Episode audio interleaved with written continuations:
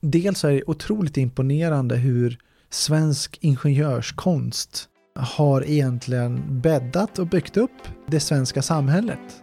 Man glömmer lätt bort i, i samhällsdebatter eller miljödebatter hur vital den svenska ingenjörskonsten är och har varit. Har du någon gång funderat på att i framtiden antingen bli rekryterad eller rekrytera någon annan? Då är det här avsnittet för dig. Den här veckan har jag haft glädjen att prata med Josef Öberg Shaya. Han läste civilingenjörsprogrammet i energisystem på Uppsala universitet och gick därefter vidare för att jobba med kärnkraft på Westinghouse. Efter fem intressanta år där var det dags att gå vidare till Alten och efter ytterligare två år hamnade han på VSP.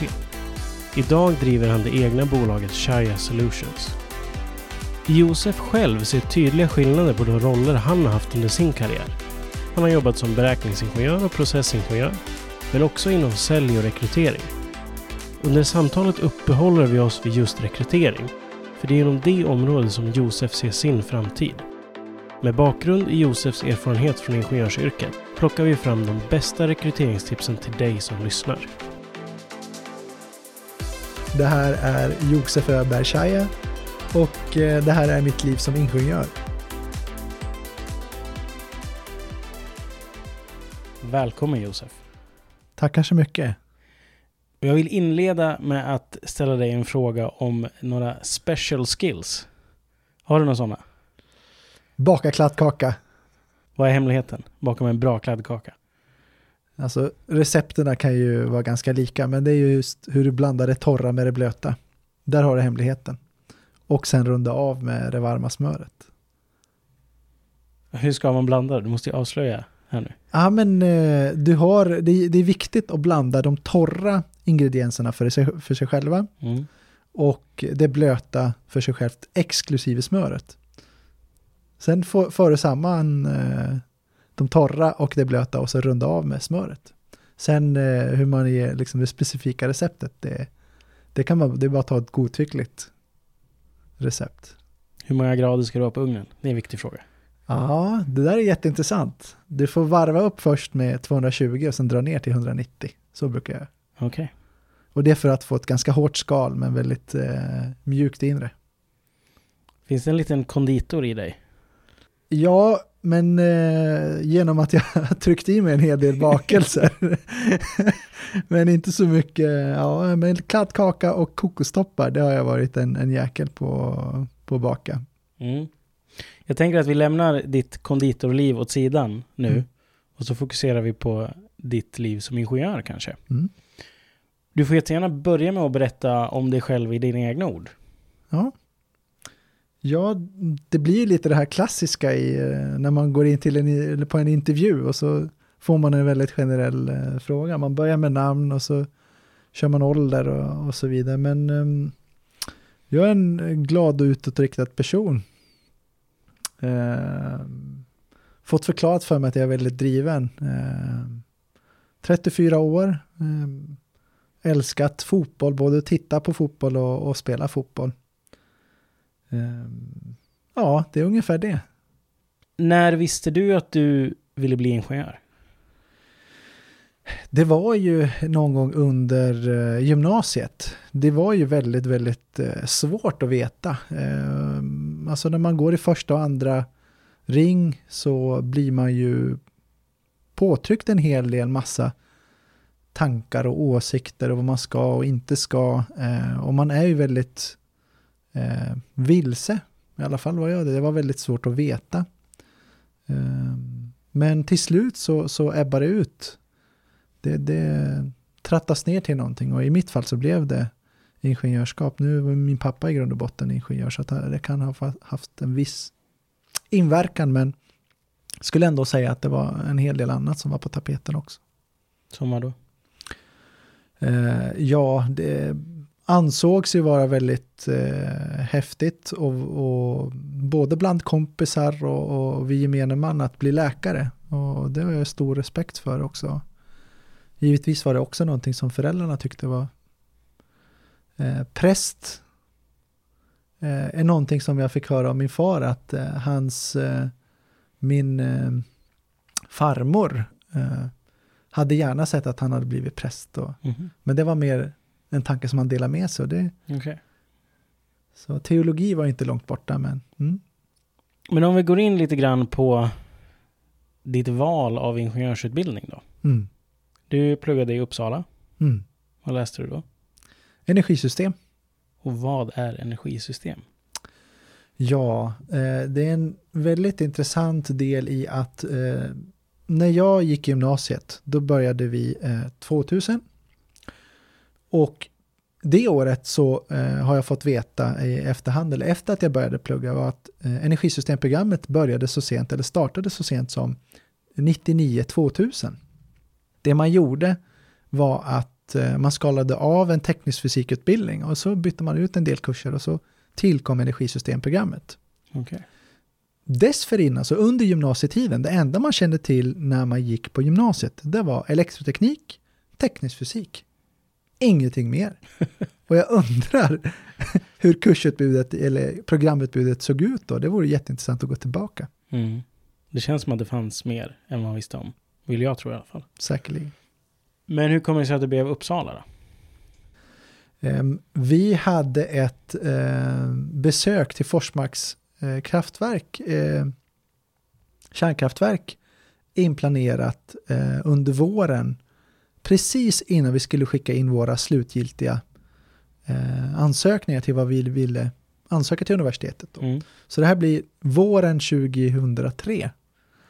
Och eh, då gjorde vi det besöket med matteklassen och vi hade massa eh, nationella prov, så det var många som inte följde med. Så vi var ett fåtal som kom till Forsmark. Och hon som höll i rundvandringen eh, hade börjat läsa energisystem. Och eh, berättade då att energisystemprogrammet var nystartat och att det var jätteintressant.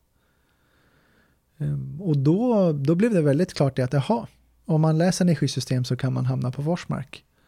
Eh, Och det tyckte vi, vi som var där, tyckte det var jättespännande att, att se kärnkraftverket. Mm. Och det, det gjorde att jag istället för att läsa datateknik eh, eller teknisk fysik så eh, blev det energisystem som nummer, nummer ett. Hur var du som student då?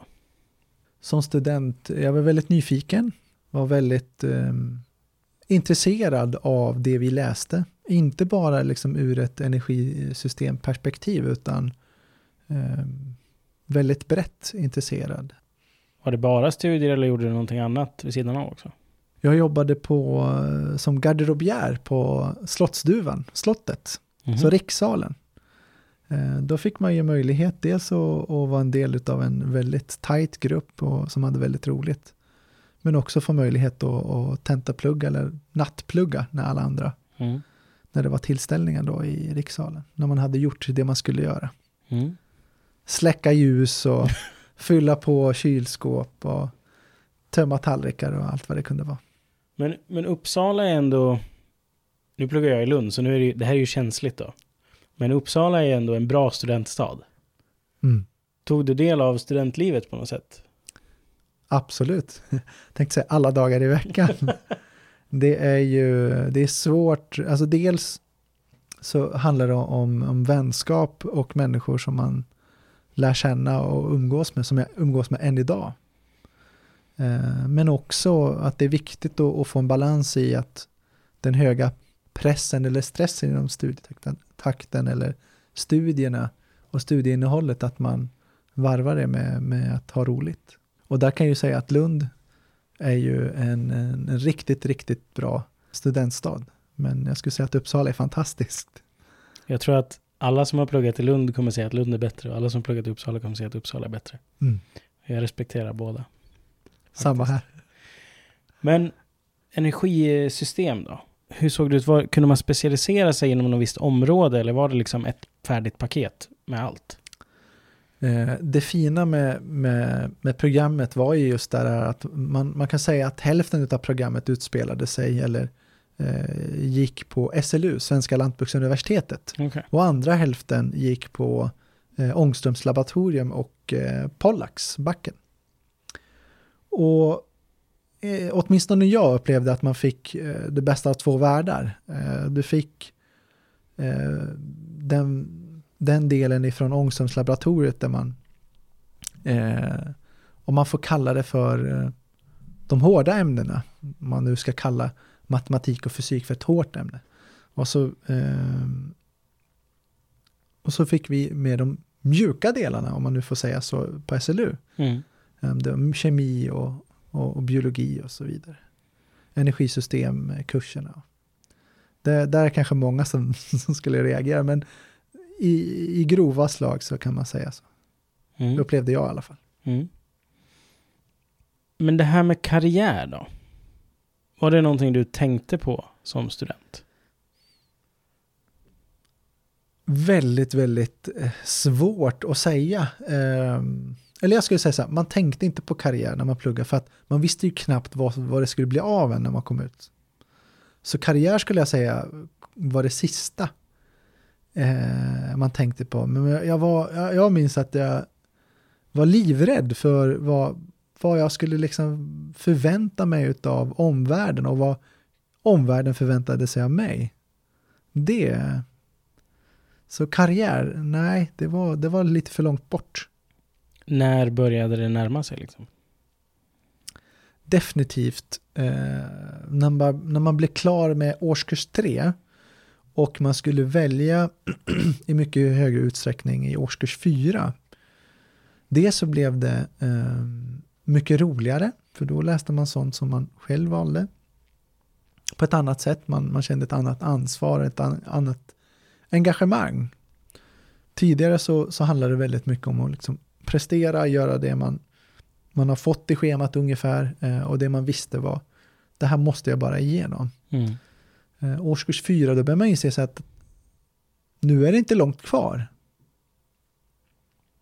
Och då, då sattes helt andra mekanismer och jag tror att man prokrastinerade den idén eh, de första åren, för det var så långt bort beslutet i vad man skulle bli, vad man ville bli eller vad, vad man ville göra. Men, men, när du tog examen då? Mm. Hur tänkte du kring karriär då? Hade du liksom mappat ut hur du trodde att din framtid skulle se ut? Eller var du öppen för förslag? Eller hur, hur såg det ut? Det där är en jätteintressant eh, fråga därför att den frågan, om man fick den då eh, när jag gjorde exjobbet till exempel, blev klar med exjobbet eh, juni, mellan juni och augusti 2010, eller jag var klar i juni 2010, så redovisade jag augusti eh, 2010. Så eh, var marknaden, i alla fall eh, det jag kunde uppfatta var liksom att kärnkraftsbranschen gick på högvarv. Men övriga branscher gick, gjorde inte det riktigt i den utsträckningen. Det gjorde ju att man, man var ju bara tacksam om man fick ett jobb eh, som nyexad. Så att eh, det var nog inte så mycket eh, som jag skulle uppleva som att det vore idag, att du har mycket att välja på. Då var det bara söka alla jobb som fanns inom energisektorn, kärnkraften då av naturliga skäl. Eh, och sen hoppas på att man fick ett jobb och så börja där. Liksom. Ungefär så resonerar jag då tror jag. Mm. Och vad blev det för jobb? Ja, eh, jag eh, valde ju att göra ett examensarbete som jag verkligen brann för. Då, då hade jag en tanke att jag ville fortsätta inom kärnkraftsbranschen eh, och eh, jag fördjupade mig inom kärnkraften också. Mm. Utöver det så var det även energieffektivisering i hus och byggnader. Men eh, jag validerade och verifierade eh, ett eh, härdsimulatorprogram på Oskarshamns kärnkraftverk. Vad är det som lockar så mycket med kärnkraft då? Dels är det otroligt imponerande hur svensk ingenjörskonst eh, har egentligen bäddat och byggt upp eh, det svenska samhället. Ehm, vi, vi, man glömmer lätt bort i, i samhällsdebatter eller miljödebatter och eh, i hur vitalt eh, den svenska, hur vital den i svenska ingenjörskonsten eh, är och har varit.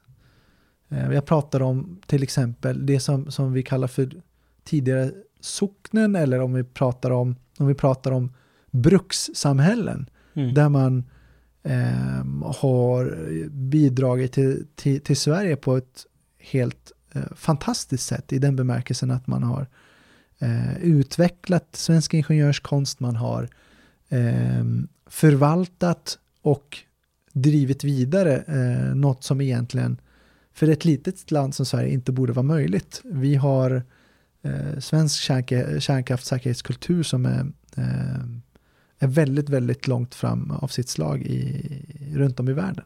Mm. Eh, så att det är kombinationen av att bidra till samhället eh, genom att leverera el. Eh, kombination med komplexiteten i ingenjörskunskapen. Eh, det, det har eh, attraherat mig som ingenjör. Mm. Men efter exjobbet då, fortsatte du på E.ON då? Nej, det som hände är att Oskarshamns kärnkraftverk, OKG, då tillhörde man E.ON. Um, och um, jag uh, sökte ju då uh, jobb. I princip, jag var ju inte garanterad arbete på, på KG eller någon annanstans, utan det gällde att söka. Och uh, där och då så hann jag få jobb av ett bolag och tackade ja till det. det. Och det råkar vara det bolaget som, som har byggt, varit med och byggt eh, våra svenska kärnkraftverk då. Och som de befinner sig i Västerås. Då. Vad är det för bolag? Det är eh, Westinghouse, mm -hmm. gamla ABB Atom och okay. tidigare ASEA Atom. Ett mm. fantastiskt bolag. Vi skulle kunna gå in lite grann på vad du gjorde där då? För du var där i några år. Ja, jag kom in i, eh, på Westinghouse i, som beräkningsingenjör och det var ett ganska naturligt steg i och med att mitt examensarbete handlade om att validera och verifiera Casmo 5M som är en, en, en 3D-simulator mot den tidigare versionen Casmo 4E som är endimensionell simulator. Ehm, och ja, första året som beräkningsingenjör eh, i Västerås Fick en kort förfrågan om jag kunde bistå och stötta ett projekt i Forsmark i tre månader. Eh, som processingenjör, eh, i och med att jag hade kännedomen om, om reaktorns uppbyggnad och de kringliggande systemen. Så med att man byggde modeller eh, i, när man gjorde transientberäkningar. Så blev det uppdraget förlängt ifrån tre månader till tre år egentligen. Eh, och där jag egentligen klev över då och blev processingenjör. Eh, och jag hade en roll som, som konstruktionssamordnare och konstruktionsledare. Var det liksom en naturlig progression? Det det, det handlar om är ju att eh, i, i den rollen eh, så handlar det väldigt mycket om att förstå eh, anläggningen och kanske ha ett stort intresse för anläggningen. Eh, och kombinera det med att kunna kommunicera det med andra teknikdiscipliner. Eh, och där fick jag ju mitt eh, utåtriktade sätt. Det kom väl till pass, skulle jag gissa. Eh, och därför fick jag vara kvar. Så småningom så eh, började man efter eh, Fukushima-händelsen så blev det besparingar av naturliga skäl och plus att så hade man väldigt många stora projekt som, som blev klara. Och då blev jag erbjuden att ta över en roll som heter produktuppsledare för mätning och provning på Westinghouse. Och då jobbar vi mycket mer med miljökvalificering av eh, gamla komponenter och produkter där man rekvalificerade. Då. Mm. Eh, och det handlar framför allt om det här långtidsdriften och eh, om att förlänga eh, livslängden för våra reaktorer. Men efter fem år då på Westinghouse? Ja. Då gick du vidare? Ja, ehm, jag eh, fick chansen eh, att eh, få mitt första eh, chefsjobb. Vilket jag är väldigt tacksam eh, och tacksam för och ödmjuk för. Ehm, ett bolag som heter Alten med fantastiska ledare och chefer. Ehm, oavsett vilken nivå man, man tittar i så är det, ja, jag har haft tur med bra chefer. Och ehm, ja, den rollen, det man eh, är duktig på Alten med eh, med den, den rollen som jag fick är ju just att man har ansvar för att rekrytera, eh, man har ansvar för att sälja och man har ansvar för att förvalta och ta hand om sin personal. Eh, mm. Och vad gjorde du på Alten under dina år där? Ja, jag hade ansvar för process och anläggningskonstruktion kan man säga och då fokuserade jag på kompetensområdena el, eh, elkraft, eh, elautomation och INC, eh, bygg, eh, allt som hade med byggledning, eh, byggprojektledning, byggkonstruktion, dokumentation eh, och sen mekanikdelen då. Och då är vi inne på samma sak där egentligen att precis som el och bygg att man är inne på systemkonstruktion, detaljkonstruktion, dokumentation och kvalitet. Det som i, i vanligt tal kallas för QC och QA, kvalitetskontroll och quality assurance. Mm. På Alten var du i två år ungefär. Ja, Och sen gick du vidare. jajamän. Och precis som på Alten, jag blev faktiskt kontaktad när jag eh, blev eh, överrekryterad till Alten. Eh, och jag hade ett fantastiskt bra avslut med, med Westinghouse. Och på samma sätt som när jag kom till Alten så blev jag kontaktad av VSB. Eh, då eh, utav eh, eh, ja, regionchefen för att eh, kunna kliva in som avdelningschef för, för eh, management och projektledning. Eh, samma sak där. Jag, på samma sätt som jag hade riktigt bra chefer på, på Westinghouse som jag är väldigt, väldigt tacksam för. Eh, och, och på Alten så är det precis likadant på, på VSB där jag har eh, haft både kollegor som che- chefskollegor och eh, direkt eh, rapporterande chefer och eh, chefer som jag rapporterar till som har varit väldigt, väldigt bra. Och det skulle jag säga har varit en, en nyckelfaktor för det som hände var att vi vände en avdelning på projektledningssidan med eh, 20-talet projektledare och två gruppchefer. Fick växa den till 30-talet projektledare och två chefer från röda siffror till väldigt starka svarta. Så fick jag då eh, så kort tid som efter sju månader möjligheten att, att jobba mycket mer säljorienterat och eh, fokusera med, på stora multidisciplinära projekt. Mm. Och vi hade en jättebra kandidat som kunde kliva in och så var det bara att tacka och ta emot och kliva vidare. Eh, möjligheten dök upp och så är det bara våga ta steget. Har det varit mycket så i din karriär att det har varit mycket möjligheter som har dykt upp som du har tagit steget så att säga? Det är ju, eh, det lär man sig själv lite, med åren så lär man sig lite hur man är som person. Eh, och jag som person eh, har sällan, givet att jag har stödet från min närmaste chef eh, och organisationen, eh, sällan tackat nej till möjligheter. När jag till exempel var beräkningsingenjör och fick chansen i, i Forsmark, många kanske tyckte att nej men, eh, det kanske inte är så roligt att sitta och veckopendla till Forsmark ifrån Västerås. Jag bodde i Västerås då. Men jag såg det ju som en möjlighet och tog chansen. Eh, det blev mycket längre än vad det var förväntat. Eh, när jag eh, tog rollen som produktgruppsledare, PGL för mätning, provning och miljökvalificering, i samband med det så dök det upp en möjlighet att faktiskt, eh, eller precis innan det så möjlighet att vara två veckor i Kina. Den vistelsen eh, blev sex månader. Och då var det ju, tanken var att jag skulle in och stötta en kollega i Tyskland som inte kunde åka, så var standby då. Vi driftsatte nya avfallssystem för de eh, kinesiska kärnkraftverken i östra Kina, både i Ningde och i Yangyang. Men den möjligheten efter två veckor så förklarade man att nej, vi behöver personal på plats. Så, det, så då gick det från två veckor till sex månader. Mm. Kan du inte berätta lite mer om det? Om den upplevelsen, sex månader i Kina. Oj. ehm, jag tycker starten sa allt. Jag fick ett, ett kort eh, mail där skrev, eh, man skrev att precis innan jag skulle eh, ta flyget till, till Kina, det var bara några dagar innan, ja hej, vi skickar lite komponenter som du får ha som handbagage.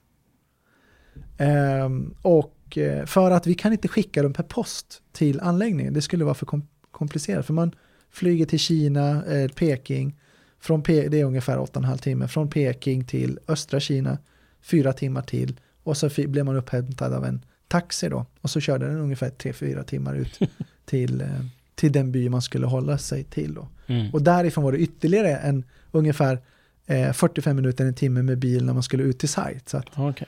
eh, och det, det kallade man för små byar och det var ungefär 4-5 miljoner människor. Men eh, det intressanta var att när paketet kom, dagen efter skulle jag åka, då visade det sig att det var ju komponenter som ungefär vägde 20 kilo. Och det var ju allt ifrån ventiler till eh, olika kopplingar och så vidare som man behövde för att kunna driftsätta. Eh, och det var ju väldigt tungt, och, i alla fall för min del så var det väldigt tungt att ha som handbagage. Ja, det är väl tungt för de flesta flygbolagen. Ja, Också. och eh, det är ju när man... Eh, på Arlanda så var man ganska lugn med det. Man ställde några kontrollfrågor. Man tyckte det var konstigt att glida runt med massa ventiler och slangar och kopplingar som handbagage. Ja. Men det var ju värre att få med det eh, i Kina Mm. när jag skulle liksom byta flyg.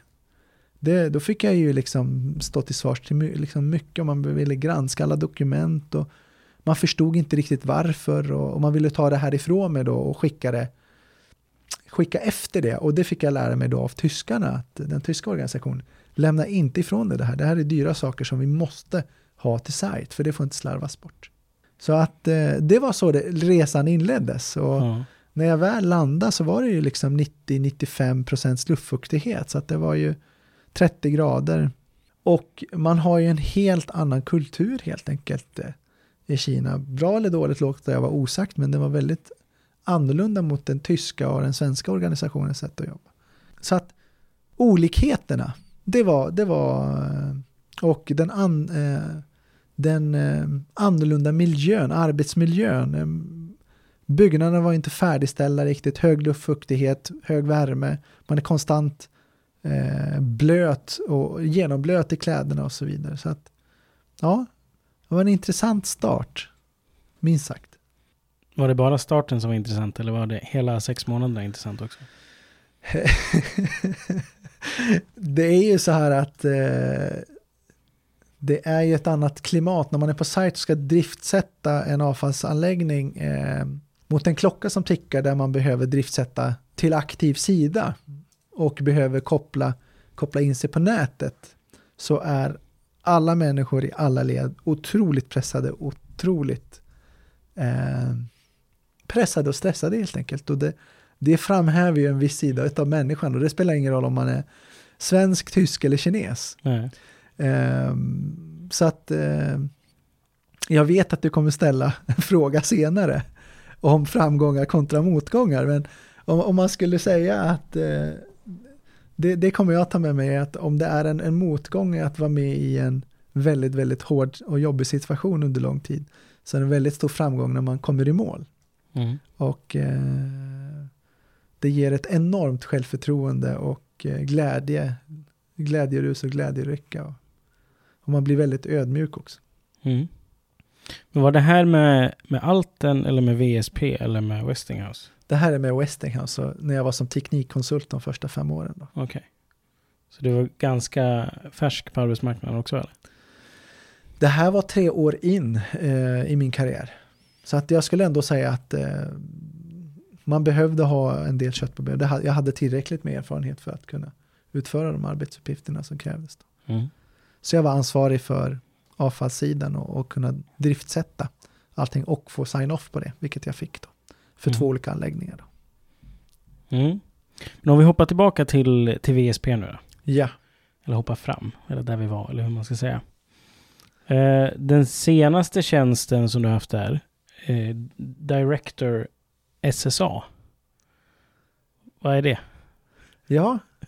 ja det, är, det man kan säga är ju att ehm, ett bolag, ett fantastiskt bolag som VSB med eh, 4100 eh, anställda, snart kanske 4200 anställda, eh, med eh, ofantligt mycket kompetens, eh, både bredd och djup, eh, så behöver man också i, kunna hantera stora multidisciplinära projekt.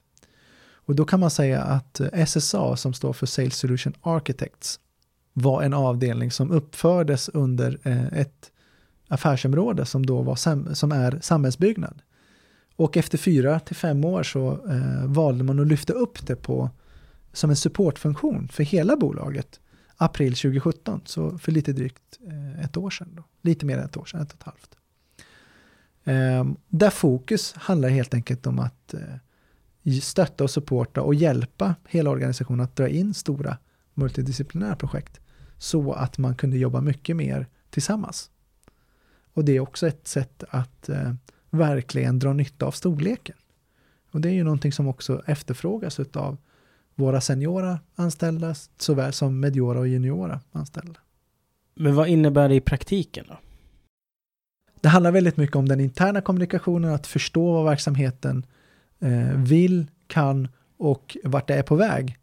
Och eh, matcha in det med vad marknaden är på väg och har det att erbjuda i form av stora projekt. Okay. Det är vad rollen innebär och vad Sales Solution Architects har, har inneburit. Varför passar den dig så bra? Eh, om man tittar på hur jag historiskt sett har jobbat eh, så har jag jobbat eh, väldigt, väldigt eh, kundorienterat och kundnära. Eh, det betyder att eh, jag förstår vad kunderna är i behov av samtidigt som jag behöver ha väldigt bra koll på vad organisationen och de olika affärsområdena erbjuder marknaden. Och så handlar det helt enkelt om att kunna matcha stora uppdrag mot vår verksamhet. Okay. När jag kontaktade dig i, i somras så trodde jag att VSP var den sista anhalten i din karriär just nu. Men då fick jag berättat för mig att det stämmer inte. Mm. Kan du förklara varför det inte stämmer? Ja, det är ju eh, det är ett beslut som grundar sig eh, väldigt mycket i självförverkligande. Och eh, det handlar väldigt mycket om, om, om att skapa, om att eh, sätta sin egna prägel på någonting. Och jag har då eh, valt att, att starta ett eget rekryterings och bemanningsbolag eh, med fokus på egentligen teknik eh, och ingenjörskap. Oavsett om man har läst på Uppsala universitet eller KTH eller en akademin så handlar det i slutändan om att titta på elområdet, eh, mekanikområdet såväl som byggområdet. Eh, och det handlar om allting från projektledning till konstruktion till dokumentation, you name it. Eh, så länge man är intresserad av teknik och ingenjörskap så kommer det finnas kunder som är inom sektorerna energi, eh, infrastruktur och IT egentligen som är på jakt efter den typen av talanger. Och det spelar ingen roll egentligen om, om du är junior eller senior. Det är väldigt mycket kopplat till dina drivkrafter och eh, intressen. Du gör det helt själv eller? Ja, absolut. Vi kommer ju fortsätta prata om, om rekrytering. Ja. För det är ju en intressant fråga, tycker jag. Det tror jag också många andra studenter tycker. För det är ju en djungel. Ja. Alla ska ju bli rekryterade någon gång, men liksom, vad förväntas? Hur går det till? Så jag tänker att vi kommer fördjupa oss i det. Men, men en sak som jag sitter och tänker på nu. Du har ju haft då en ganska tydlig karriär, om man ska säga på lite olika bolag och sådär. Men det har ändå varit en progression. Och att lämna det och starta eget helt själv. Vilka tankar finns i huvudet då? Um, det fann, jag hade en, uh, min chefschef Eh, på ett av de här tre bolagen sa någonting väldigt bra som eh, jag tar med mig. Och det är att han sa Josef, kom ihåg eh, en sak och det är att du ska inte bara träna på dina svaga sidor. Du är här för att dina starkaste sidor är riktigt, riktigt sylvassa. Eh, och det var hans respons eh, på en fråga som, eh, där han sa vad avser du att förbättra det närmaste halvåret? Eh, och då tog jag ju givetvis upp mina svagheter. Och det är någonting som jag tar med mig i att för att kunna bli ännu bättre på det jag gör idag och inte bara förbättra det jag är mindre bra på så har jag känt en star ett starkt behov av att våga ta beslutet. Beslutet är ju, krävs ju, eh, det kräver ett visst mod. Det krävs eh, en viss na naivitet. Det kräver en viss dumstridighet. Um, och det kräver ett visst risktagande. Och de bitarna, det får ju mig att bli eld och lågor. Ehm, det får ju mig att verkligen brinna för det jag håller på med. Ehm, det får mig eh, både att skina hemma, hemma i lägenheten när jag umgås med nära och kära, men även när jag träffar människor. Eh, och därför är det väldigt nödvändigt att, att våga ta det beslutet när det väl det fröet har växt och det har mognat. Varför tror du att du är så bra lämpad att starta ett rekryteringsbolag? Då?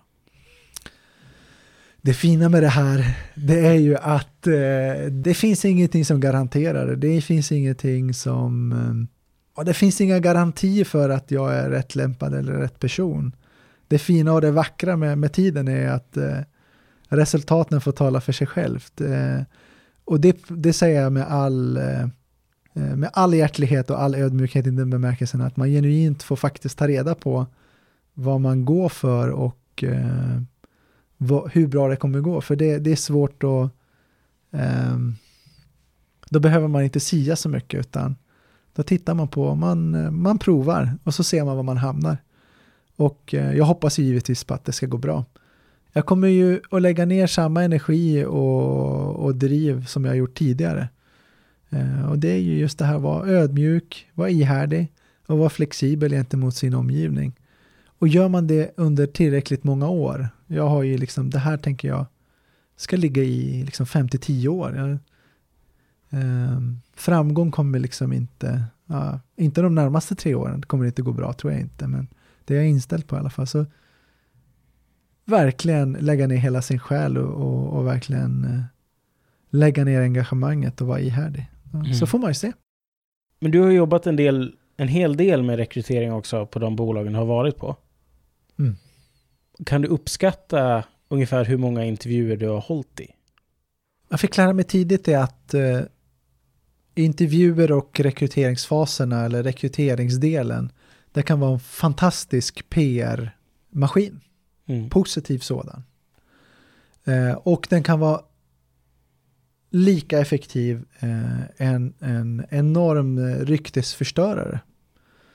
Så att jag, på allt den det jag berättade om tidigare eh, så har man en modell där man eh, har krav på sina chefer att genomföra x antal intervjuer per vecka. Och där man eh, var väldigt, väldigt noga med att genomföra intervjuerna på ett kvalitativt sätt. Av den enkla anledningen att det kan förbättra ditt rykte på marknaden och det kan förstöra ditt rykte på marknaden. Eh, och vanligtvis så är de negativa upplevelserna mycket starkare än de positiva. Eh, men jag har fram till dagens datum ska jag säga liksom unika intervjuer. När jag säger unika intervjuer så andra intervjuer kanske inte räknas. Men i alla fall en bra bit över 600. Eh, och det är väl det som också har gett mig mitt stora nätverk.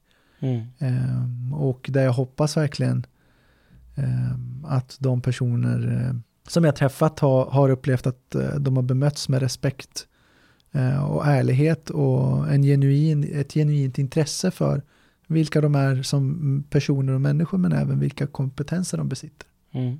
Men man kan ju onekligen säga då i alla fall att du har gott om erfarenhet kring rekrytering. Det kan man ju säga. Ja, men Eller? något i alla fall. Ja. Och om vi då kollar på målgruppen för den här podcasten som är då ingenjörsstudenter. Mm. Om vi går in och eh, försöker ge lite tips till, ja, men till ingenjörsstudenter som funderar på rekrytering, som tycker det är en djungel. Ja. Vad ska man tänka på då? Om jag bara vänder på frågan till dig. Mm. Eh, hur, nu ska vi inte kvantifiera alla studenter utifrån, utifrån dig, men mm. hur skulle du resonera inför, inför det? Jag tror för mig, jag har funderat en del på det och det viktigaste för mig tror jag när jag är, låt säga att jag är på en arbetsintervju, så, eller man är liksom i en rekryteringsfas. Det viktigaste för mig det är att jag känner att det inte jag som är där för din skull då, utan vi är där för varandras skull. Att det är en dialog, att ja, jag är student, du är arbetsgivare, men du behöver mig lika mycket som jag behöver dig. Och det bästa händer ju när man hittar en match. Så det tror jag hade varit en, en dealbreaker för mig om jag kommer på en intervju och blir bara bombarderad med frågor där det är så här, där jag inte får få ut det jag behöver. Du lyfter ju Eh, en väldigt, väldigt vital punkt och det är den här ömsesidigheten. Eh, oavsett om vi utgår, eh, ifrån eh, den, det anställande företagets perspektiv så handlar det väldigt mycket om att visa respekt och ömsesidighet.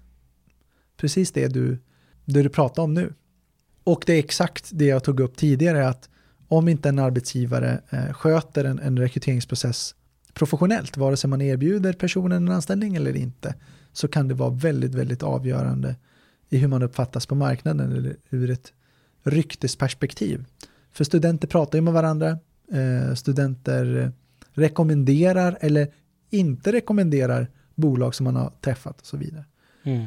Ur kandidatens perspektiv handlar det väldigt mycket om att vara sig själv. Det är mycket viktigare att hamna i ett bolag som rimmar med hur man är som person och hur man är på riktigt. Snarare än att bara landa det där jobbet. För att eh, all saker och ting, eh, förväntningar och arbetsuppgifter och jobb generellt sett blir så mycket enklare när, man, när båda parter har varit väldigt ärliga i dels vilka förväntningar man har på varandra men även vilka krav man ställer på varandra. Så är man i en intervju, eh, är man i en eh, rekryteringsprocess där man inte är helt ärlig med sina krav och förväntningar, eh, där man bara accepterar allt, så finns det risk i att man efteråt när man har väl fått jobbet inser, kommer till insikt att man eh, helt enkelt inte hamnat rätt. Och det, det är skadligt för båda parter. Mm. Så var sig själv. Var dig själv. Och tänk igenom eh, vem du är som person innan du går på intervjun. Eh, och våga stå för det. Mm. Det, det kommer i, i det långa loppet absolut eh, ge de största framgångsfaktorerna. Eller vara de framgångsfaktorerna i ett arbete och i ett jobb. Mm.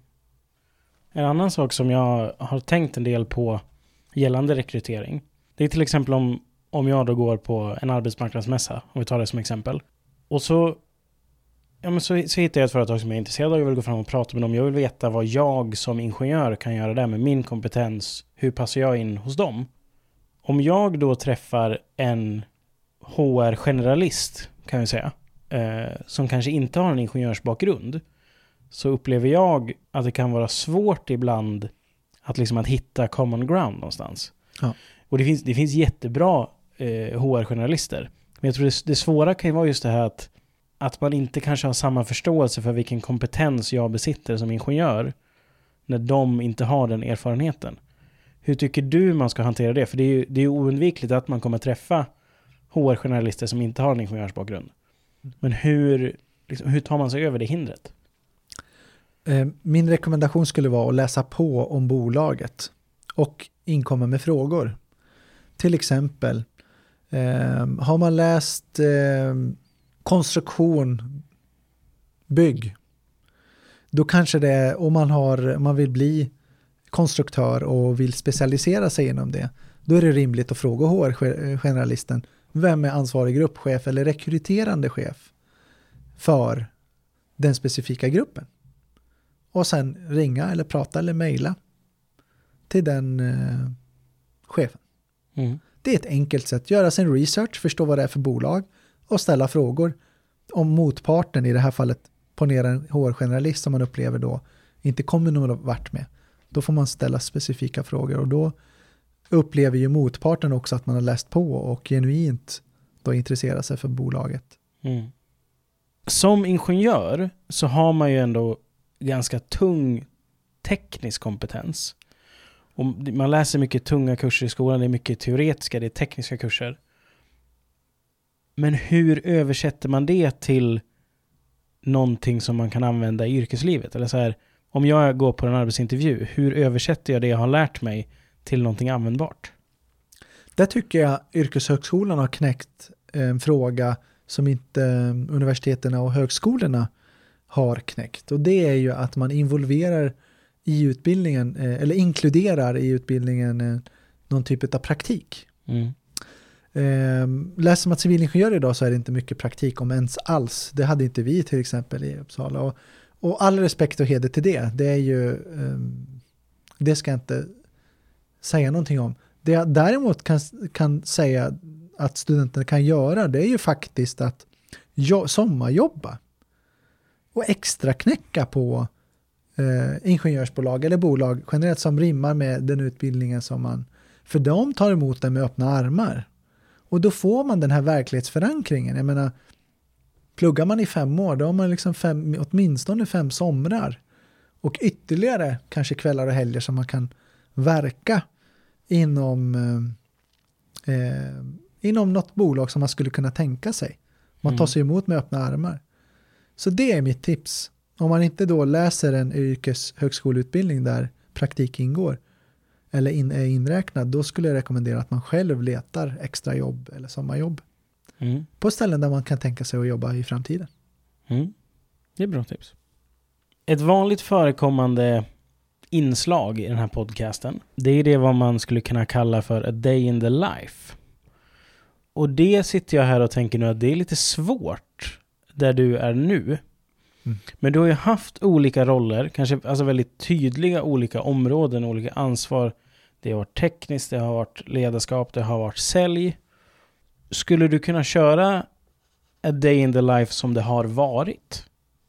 Så att man kanske får en känsla för de här olika områdena du har jobbat på. Vad har det faktiskt inneburit en vanlig onsdag till exempel? Jätterolig fråga. Eh, tycker du att, om jag lägger upp det så här, att jag berättar en dag som ingenjör hur det var som, att vara som teknikkonsult, en dag som hur det var att vara en rekryterande chef eh, och med personalansvar eh, och, och säljansvar och sen eh, en roll där det bara är säljansvar. Eh, och slutligen den rollen som jag kommer vara vd och ägare för det egna rekryterings och bemanningsbolaget. Mm. Är det ett bra upplägg?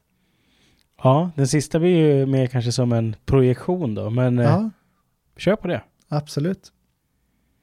Ja, men som teknikkonsult och ingenjör eh, första eh, fem åren kan man säga handlar väldigt mycket om att bli serverad projekt. Det är ungefär på den nivån.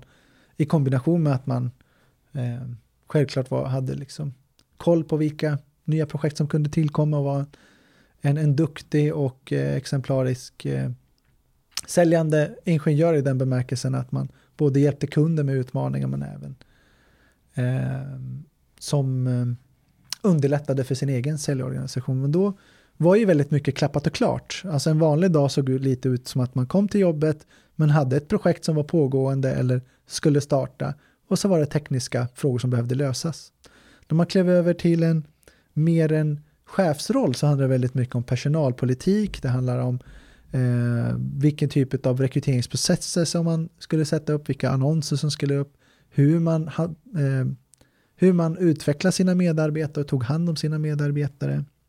Och eh, tittar man på eh, den senaste, senaste rollen som jag hade då på, på VSB, eh, den eh, renodlade säljande rollen, eh, så handlade det ju väldigt mycket om den internkommunikationen, i att förstå och kommunicera eh, med organisationen brett och djupt, men även då att kunna eh, förstå vilka projekt och ta reda på vilka projekt som var på väg ut i marknaden som, vi, som bolaget kunde offerera på. Mm.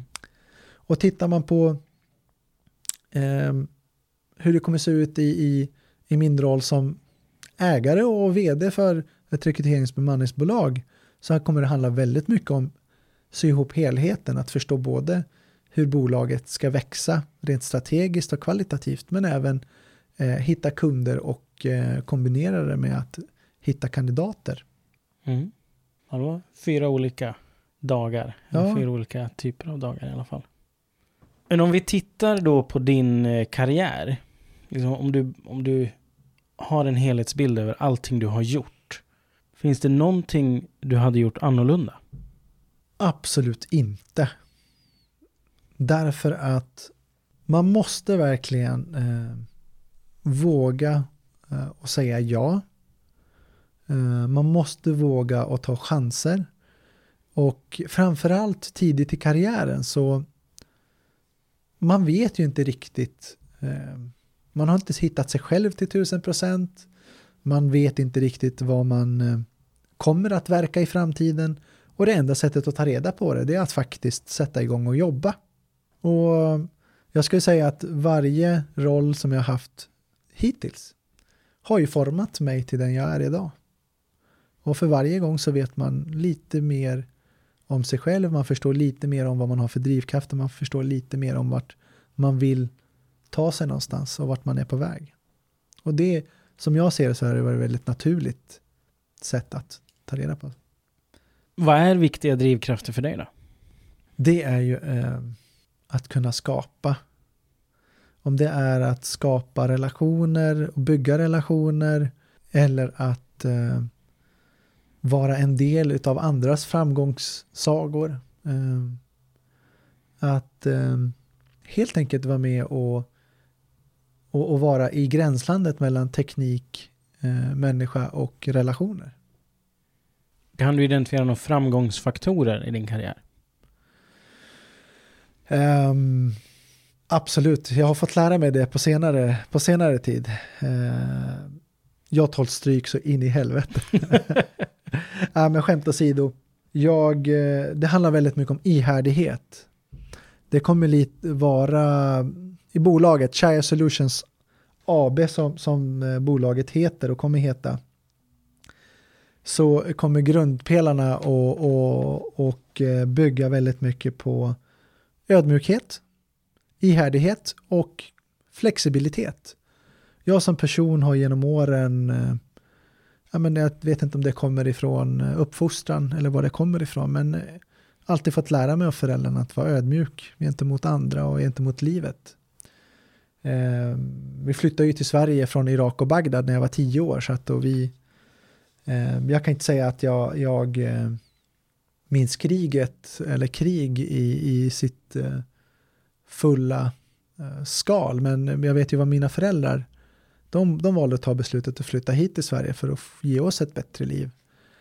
Och, och det här att, att eh, ingenting är självklart eller att du lämnar hela ditt liv och gör den uppoffringen för dina barn. Ehm, det bygger ju in en viss, vare sig du vill eller inte, en viss ödmjukhet gentemot livet. Mm. Eh, ingenting är ju eh, riktigt, jag ska inte säga självklart, det, det är självklart i vissa delar, men man, är, man är helt enkelt ödmjuk, ödmjuk mot de krafter som livet kan medföra. Den andra delen är ju när jag säger liksom just att det här att jag har tålt mycket stryk, i den bemärkelsen att ihärdighet, alltså motgångar, oavsett om det är, de sker i projekt, om de sker med medarbetare eller om de sker med kunder, så spelar det ingen roll. Det kommer alltid eh, i vissa avseenden att vara tufft. Men det är en del av processen. Det finns ingenstans man kan ta, ta sig till som kommer vara liksom, där allting är bara frid och fröjd och allting bara flyter på. Förmodligen så gör man ganska lätta saker då. Mm. Ehm, så ihärdighet och ehm, i idrottens värld, när man kallar jävlar anamma, det är otroligt viktigt. Och sen så får man komma ihåg att bara för att man tycker på ett visst sätt eller bara för att man vill ha det på ett visst sätt så är det inte säkert att omgivningen kommer att vara beredd att och, och, och ge det en. Och då handlar det väldigt mycket om att vara flexibel och, och kunna anpassa sig till nya situationer. Mm. Så de bitarna skulle jag säga har bidragit till, om man nu ska säga att jag har haft en framgångsrik, jag vet inte om man ska säga att jag har haft en framgångsrik karriär hittills, men jag har varit väldigt nöjd med det jag har gjort och stolt över det jag har gjort mm. och bidragit till de, till de organisationer som jag har varit i. Mm. Det finns en fråga till som jag vill beröra här innan vi avslutar. Eh, nu börjar tiden rinna ut. Men det är det här konceptet som heter work-life balance. Hur ser du på det? Det är väldigt enkelt. Eh, livet och karriären, eh, om man nu ska säga karriärlivet, arbetslivet och livet generellt, eh, det är definitivt inte 100 meters lopp. Eh, man kan välja att behandla det som eh, korta sprintdistanser, det går jättebra. Eh, och man kan behandla det som ett maraton om man nu ska efterlikna löpning liksom på, något, på något sätt i slutändan handlar det om att hitta en form och hitta sätt att arbeta på som får en att eh, hålla ut över ett helt arbetsliv. Om det innebär att jobba väldigt mycket, fine, gör det. Om det är det som får dig att må bra och vara lycklig. Är det så att du det är 30 eller 40 eller 50 timmars veckor. Samma sak där. Det är otroligt viktigt att vara reflekterande. Det är egentligen min rekommendation. Reflekterande över hur man mår, vad man trivs av och eh, vad som får en att växa. Mm. För att gå in på de här avslutande frågorna. Som man då skulle kunna säga kanske är lite snabbare frågor, lite korta frågor. Men den första där är vilket är ditt bästa minne från universitetstiden? Ja, när du jag läste den frågan först så började jag skratta för det kom så många fantastiska minnen. Men ett starkt minne är ju att vi eh, efter champagnegaloppen på Valborg alltid hade soffor eh, ståendes redo. Så att vi bar runt eh, på soffor efter champagnegaloppen. Mm -hmm. eh, jag tror att det kan komma ifrån Linköping eh, i vad man kallar för soff, men det, det, har jag ingen aning om. Men vi, någon kom på idén och eh, så att de minnena är fantastiska när vi efter att ha firat valborg eh, i ekoparken bland annat, kört ett champagnegalopp och sen avsluta med att bära runt på soffor inne i stan i Uppsala eh, vid femtiden när alla liksom är på väg hemåt och så slår sig ner och, och då var det ju liksom människor i alla åldrar som eh, studenter såväl som seniora personer som sattes, satte sig ner med oss och drack öl och, och så vidare. Mm. fantastiska minnen. Jag förstår det. Om pengar inte vore en faktor, vad skulle du ägna dina dagar åt då? Jag skulle säga att jag skulle göra nästan samma sak. Träffa människor, umgås med människor. Och eh, genom att eh, på något sätt försöka hjälpa människor vara en del av deras resa. Det, det får mig att bli otroligt lycklig. Och det är sådana saker som är svåra och eh, det är svårt att ljuga för sig själv när man väl tittar sig själv i, i spegeln. Om den som lyssnar på det här bara tar med sig en lärdom, vad vill du att det ska vara? Det är väldigt enkelt. Ihärdighet. Du har lyssnat på avsnitt 17 av Mitt liv som ingenjör som gästades av Josef Öberg Shayan. Vad tar du med dig från samtalet? Interagera med oss på sociala medier och berätta. Vi finns på Instagram, Facebook och LinkedIn. Passa också på att berätta för en kompis om podcasten så att fler får ta del av innehållet. Vi hörs igen nästa vecka.